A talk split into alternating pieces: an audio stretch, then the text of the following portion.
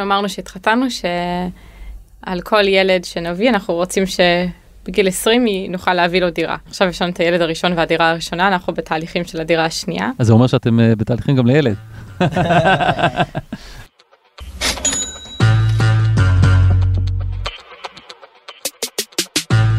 שלום לכם, אני גיא ליברמן, עורך הנדל"ן של עיתון גלובס, ואתם מאזינים לפרק התשיעי בפודקאסט כסף בקיר. סיפורים על אנשים שהחליטו לשים את הכסף שלהם על נדל"ן.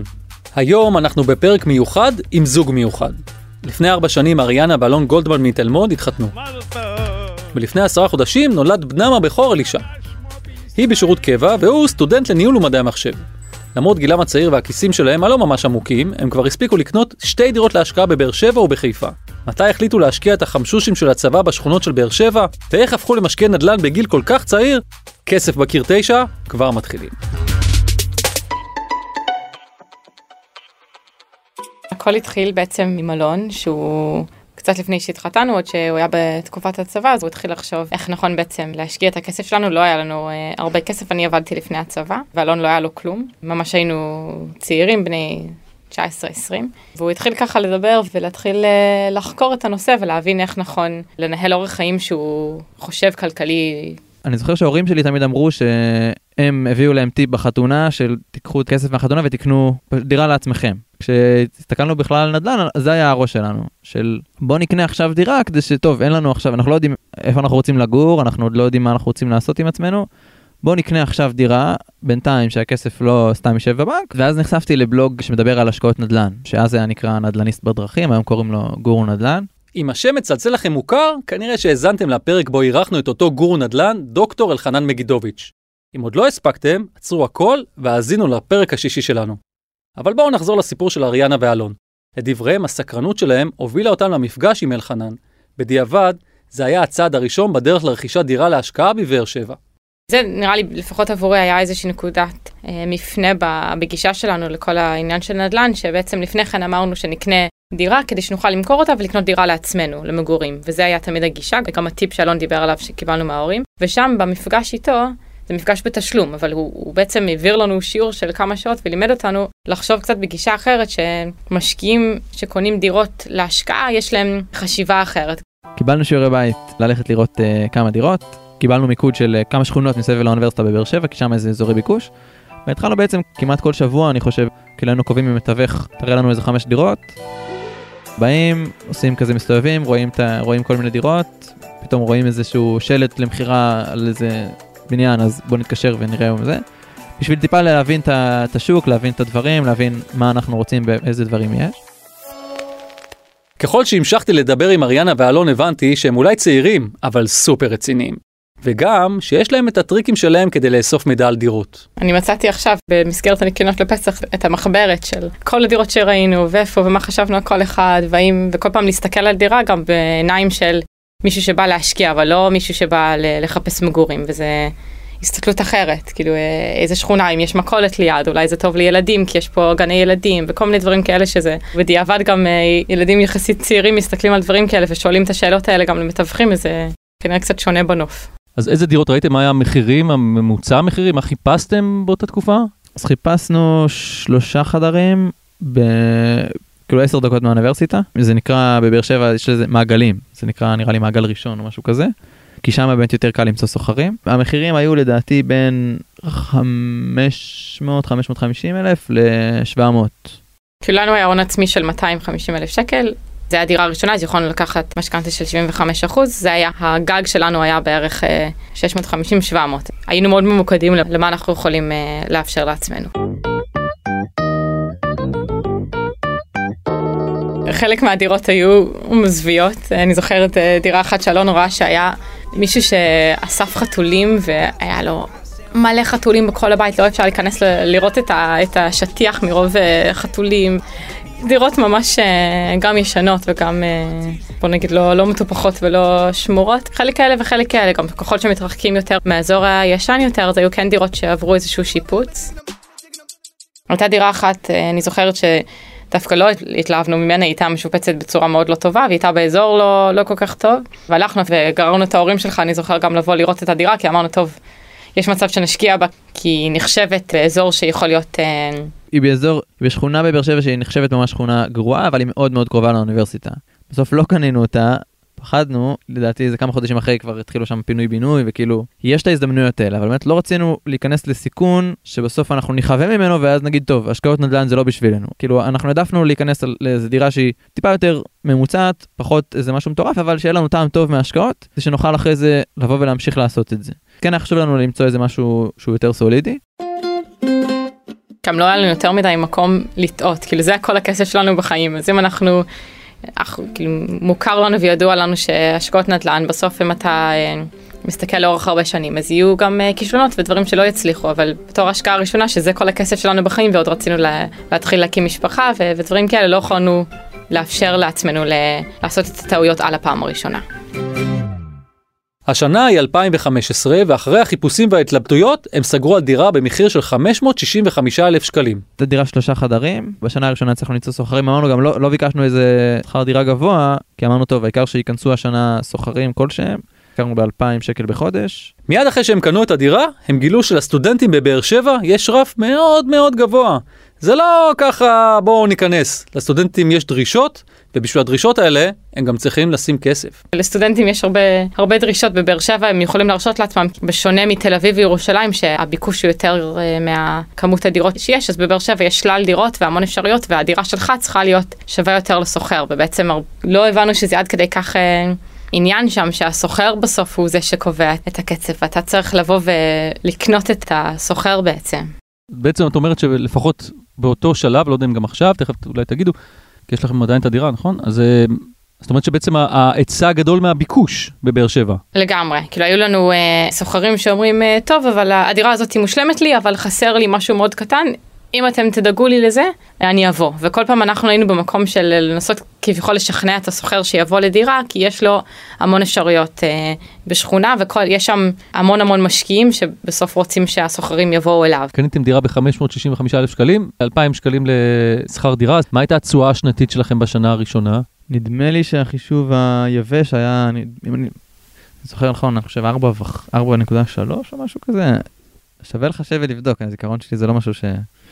שווה לסמוך עליו. שזה כולל השיפוצים? כולל הדברים ששיפצתם את זה? לא. לא, לא כולל השיפוצים. וגם לא כולל, לא יודעת, אה, עורך דין וכל הריהוט שקנינו וכל הדברים שיש מסביב. אנחנו גם בעצם לא יודעים כרגע כמה הדירה...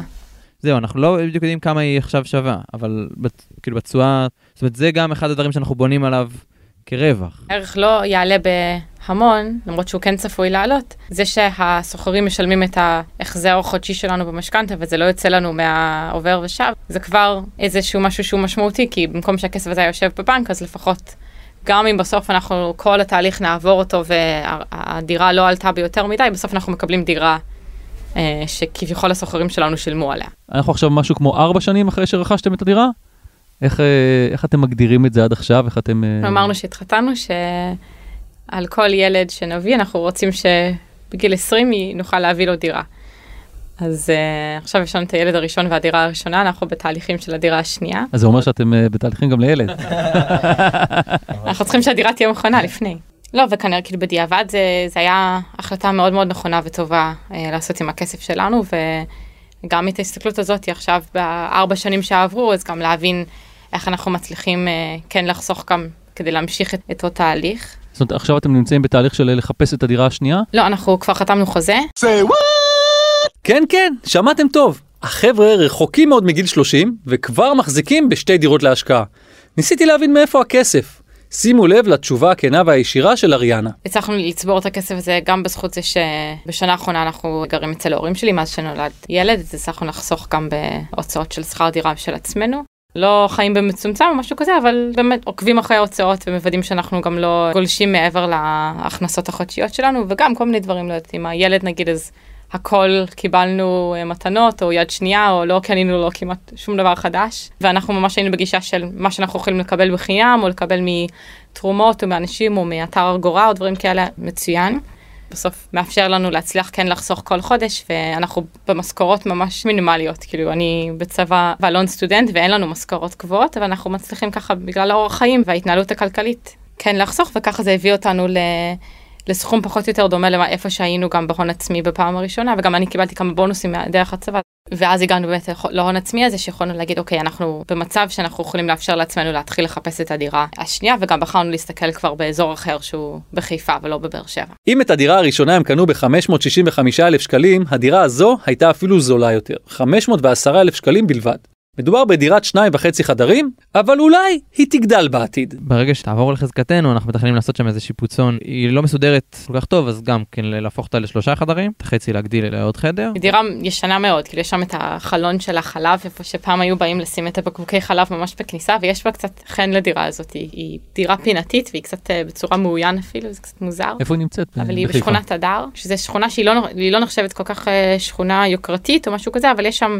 הרבה מאוד חיות כזאת, הרבה, זה נמצא מאוד קרוב לרחוב המרכזי שם בעיר, ויש שם הרבה מסעדות והרבה חיים, ושם הקהל יעד שלנו לסוחרים זה לאו דווקא סטודנטים, למרות שסטודנטים גרים באמת בכל העיר, בחיפה, כי האזור שקרוב לאוניברסיטה היא יקרה יותר. וגם שם הייתם, אה, ראיתם הרבה דירות? אותו תהליך, או שהפעם הייתם רגועים יותר? לא, אז היינו גם יותר רגועים, גם כבר הבנו את התהליך והבנו כבר אה, על מה צריך להסתכל, וראינו שם באמת מספר קטן של דירות.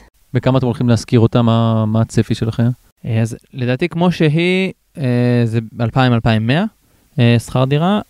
אחרי השיפוץ שנעשה, אם נעשה אותו טוב, ואז זה, זה יאפשר לנו להכניס עוד בן אדם, זאת אומרת להפוך את זה לשלושה חדרים, אז להכניס עוד בן אדם, אני חושב הערכה זה משהו כמו 2,400 או משהו כזה. כן, אז מה שהיה מיוחד בדירה הזאת, שבעצם הפוטנציאל שלה, שהיה בה איזשהו חצי חדר כזה וסלון מאוד גדול, שיאפשר לנו שאנחנו נקנה את הדירה, גם לעשות שם איזשהו שיפוץ ולהפוך את החצי חדר הזה לחדר נוסף. וככה אה, להגדיל את הקהל יד שלנו. ככל שהמשכנו לדבר, לא יכולתי שלא לשים לב לביטחון שהם צברו עם הניסיון בשטח. והנה כיום כשהם במשא ומתן מול הבנקים על המשכנתה לדירה השנייה, הם כבר נשמעים מבינים הרבה יותר. כהפקת לקחים מהדירה הראשונה, כן, להחזיר פחות. כל חודש דווקא, שזה משהו שהוא נראה קצת אחרת ממה ש... זאת אומרת, כשאתה קונה דירה למגורים, אתה רוצה כמה שיותר מהר לסיים את המשכנתה, אפילו להילחץ כמה שנים ולשלם יותר ממה שאתה יכול, בשביל לסיים את זה כמה שיותר מהר. כמשקיעים, בכל מקרה אנחנו לא נחזיק את הדירה 30 שנה. זאת אומרת, סביר להניח שלא נחזיק 30 שנה וכנראה נמכור בעוד כמה שנים, 5-10 שנים כשהמחירים uh, יהיו טובים. מה שיותר מעניין זה התזרים מזומנים כל חודש. ממה שאנחנו מקבלים מהבנקים זה פחות או יותר 1,300 החזר חודשי, נגיד פלוס ביטוחים זה גם כן, זה 1,400. זה מה שישאר לנו כאילו בין 600 ל... לא יודע, 800 900 שקל כאילו כל חודש, שגם כן אפשר להמשיך כבר לחסוך אותו ליעד הבא. לא, אתה כבר חושב על, ה... ליעד הבא. אתה לא יכול להיות מיליונר ממשכורת. צריך או להשקיע או להיות בעל עסק. חלק מהרעיון הזה של ההשקעות זה קצת לקחת את עצמנו בידיים ולהגיד טוב אנחנו לא יכולים לסמוך על ההכנסות של מה שיהיו לא יודע אחרי שנסיים ללמוד מדברים על יוקר המחיה ועל כמה קשה ועל בסוף זה מאוד מאוד לחוץ הדברים האלה. ואם לא נדאג לעצמנו ואם לא ניקח ונתחיל לייצר ממה שחסכנו עוד כסף ושזה יעזור לנו להכניס עוד כסף אז כאילו אנחנו לא נגיע לשום מקום. אם חושבים על, ה... על הדירה השלישית אז גם כן באותם אזורים יש כמה אזורים שהתחלנו לחשוב עליהם עוד בדירה השנייה ואולי גם נמשיך לשם בדירה שלישית באזורים של עפולה שעכשיו בנו שם אה, רכבת. אתה רוצה להיות מהראשונים שגילו את מודיעין או מהראשונים שגילו את חריש. כשאתה כבר שומע על חריש מהשכנה שלך אז סימן שזה מאוחר מדי. לא יודע אם יהיה לנו מספיק את הכסף אבל אני כן רוצה דירה שלישית עד עכשיו קנינו דירות שהן יד שנייה. אתה יודע מה אתה מקבל אתה רואה מול העיניים שלך מה אתה קונה. אבל גם מן הסתם הסיכון הוא באמת יותר נמוך כי אתה רואה את התוצר בעיניים ואז בגלל זה גם התשואה היא יותר נמוכה נראה מה יהיה כשנצליח לחסוך לדירה שלישית, אבל אני הייתי רוצה ללכת לכיוון אולי של דווקא דירה מקבלן או משהו כזה. אז תיארתם על דירה ראשונה, תשואה שנתית של משהו כמו 3-4 אחוזים במקסימום, אולי תהיה איזושהי עליית ערך, אבל אני רוצה לשאול אתכם גם לגבי המחיר שזה דורש מכם. סיפרתם קצת על הדירה, על זה שהיא ישנה וצריך לעשות שם שיפוצים ותיקונים, ופתאום מתקשר הסוחר ואומר, יש לי עכשיו נזילה, בואו מהר תצילו אותי, המזגן לא עובד. אתם גרים בתל מונד, הדירה היא בבאר שבע, רק הנסיעה לשם זה משהו כמו שעה ורבע במינימום. זה מעיק, זה מציק, עד כמה זה גוזל מכם כוח נפש בסופו של דבר. יש את הנקודות האלה שפתאום הסוחר מתקשר, אפילו היה לנו איזה תקופה שכמה דברים אחד אחרי השני בדירה שככה התקלקלו. בסוף רוב הזמן אתה לא מתעסק בזה. גם צריך להגיד שההתעסקות בכל התפעול של הדירה והתחזוקה שלה, הגישה שלנו צריכה להיות משהו שאנחנו מבינים שזה צורך חשוב ולמטרה שאנחנו מתחברים אליה ורוצים ולא רואים את זה כאיזה משהו מעיק, לא יודעת, שהסוחר מתקשר ויש uh, הצפה או לא יודעת מה, אלון uh, לוקח את הרכב יום שישי עד שיש לנו uh, זמן ונוסע לבאר שבע, אבל זה לא משהו שאנחנו אומרים וואי איזה באסה איזה חבל. זה כאילו חלק מהעניין הזה וזה חשוב לא פחות שגם אנחנו ניתן את החוויה הזאת לסוחר. הכאב ראש הזה שתוך כדי אנחנו אומרים וואי רק שיגמר כבר כל פעם שיש עוד איזשהו עניין כזה שדורש מאיתנו התעסקות ולקחת מהיום יום שלנו למטרה חשובה ואנחנו לא יודעת, אומרים לעצמנו בראש טוב, אז אה, שאלישע יהיה בן 20, יהיה לו, שהוא יתחתן, בעזרת השם נוכל להביא לו מפתחות ולהגיד, אה, הנה אנחנו עוזרים לך להתחיל את החיים שלך.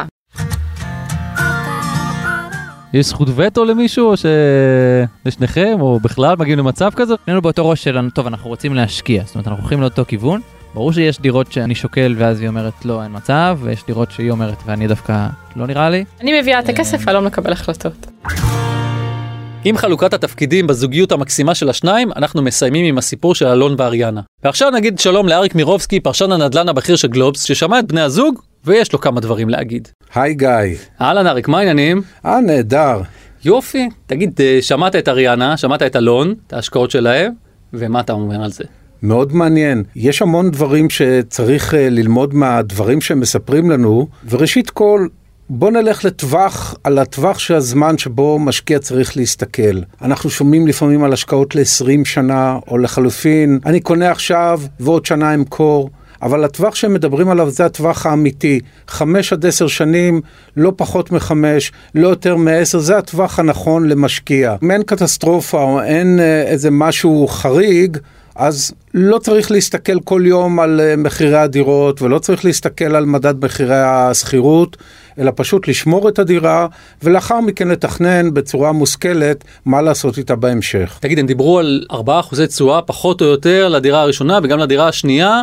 אם נוסיף לזה איזושהי עליית ערך עתידית, אתה חושב שזה שווה? שווה את כל הבלגן הזה, דירה בחיפה, דירה בבאר שבע, דירות ישנות, שווה? זהו, אתה שמעת מה שאריאנה אמרה, וזה קצת הציק לי. זאת אומרת, הם ידעו בכמה הם קנו את הדירה, הם יודעים כמה שכר דירה הם uh, יקבלו, אבל באמצע נכנסו להם הסטודנטים, ובכל מיני דרישות, ולפתע העלויות שלהם צמחו. השתנות. נושא של, בדיוק, הם עלו הרבה מעבר, והם אמרו בכנות שהם לא כללו במחיר לא את שכר העורך דין, ולא את הריהוט, ולא את הטלוויזיה שהסטודנטים דרשו, וייתכן מאוד שדורשים, ובאמת בבאר שבע יש מצב כזה, שיש היצע מאוד גדול של דירות, ואז פתאום אנשים רוצים מיזוג אוויר, רוצים דירה כמו שצריך, זה נהדר אגב מבחינתם של השוכרים. מבחינתם של המשקיעים, הם חייבים לקחת את כל זה בחשבון ולהכניס בשקלול הכולל שלהם לתשואות. אני לא שמעתי את זה אצלם ואני מקווה שהתשואה עדיין תהיה מספיק גבוהה אה, גם לאחר כל הפעולות שלהם. אתה יודע מה שעניין אותי אצלהם, שהם חבר'ה די צעירים, אבל עם נכון. חשיבה כלכלית, פיננסית, כבר מגיל ממש מוקדם, 19, 20, התחילו לחשוב על דירות להשקעה. מה אתה חושב על זה? מה אני חושב? תראה, אני בגילם לא עשיתי את זה. גם אני אני לא. לגמרי אה, הייתי ב... אני בקושי היום. ספרות אחרות. כן, אתה אומר, רבאק, ואיזה דור אנחנו מגדלים פה. אבל uh, כנראה שכל מה שאנחנו רואים כעת uh, במדינה, העשור, העשור הזה של עליות מטורפות של מחירים, אנשים שמתקשים להתמודד עם הבעיה הזאת, אז כנראה שזה מעודד יותר ויותר צעירים להיכנס לתחום. אז תגיד, היית מציע לבנות שלך גם להיכנס ככה להשקעה בגיל מוקדם? כרגע הן בגילאי עשרה, ואני מאוד הייתי מעדיף שהם ישקיעו בבחינות שלהם, ולא ברכישת דירות. אוקיי, יאללה, תודה רבה אריק. נפגש פעם הבאה. בשמחה. עם רצון עז לחזור במכונת הזמן 20 שנה ולהפוך שוב לצעיר, ואולי לרכוש דירה, אנחנו מסיימים עוד פרק של כסף בקיר. אם אהבתם את הפרק, לחצו על כפתור ה follow או subscribe, ותתחילו לעקוב אחרינו ולהאזין לפרקים הקודמים. גם אל תשכחו לדרג אותנו באפל פודקאסט. נגיד תודה לאריאנה ואלון ששיתפו אותנו בסיפור שלהם, תודה גם לפרשן הנדל"ן שלנו אריק מירובסקי, וגם לעורך הפודקאסטים רון טוביה. לפני שניפרד, אני רוצה להמליץ לכם על חזית המדע, פודקאסט עם סיפורים מפתיעים על הטבע שלנו. תמצאו אותו באתר גלובס או באפליקציות הפודקאסטים השונות. אני גיא ליברמן, ביי!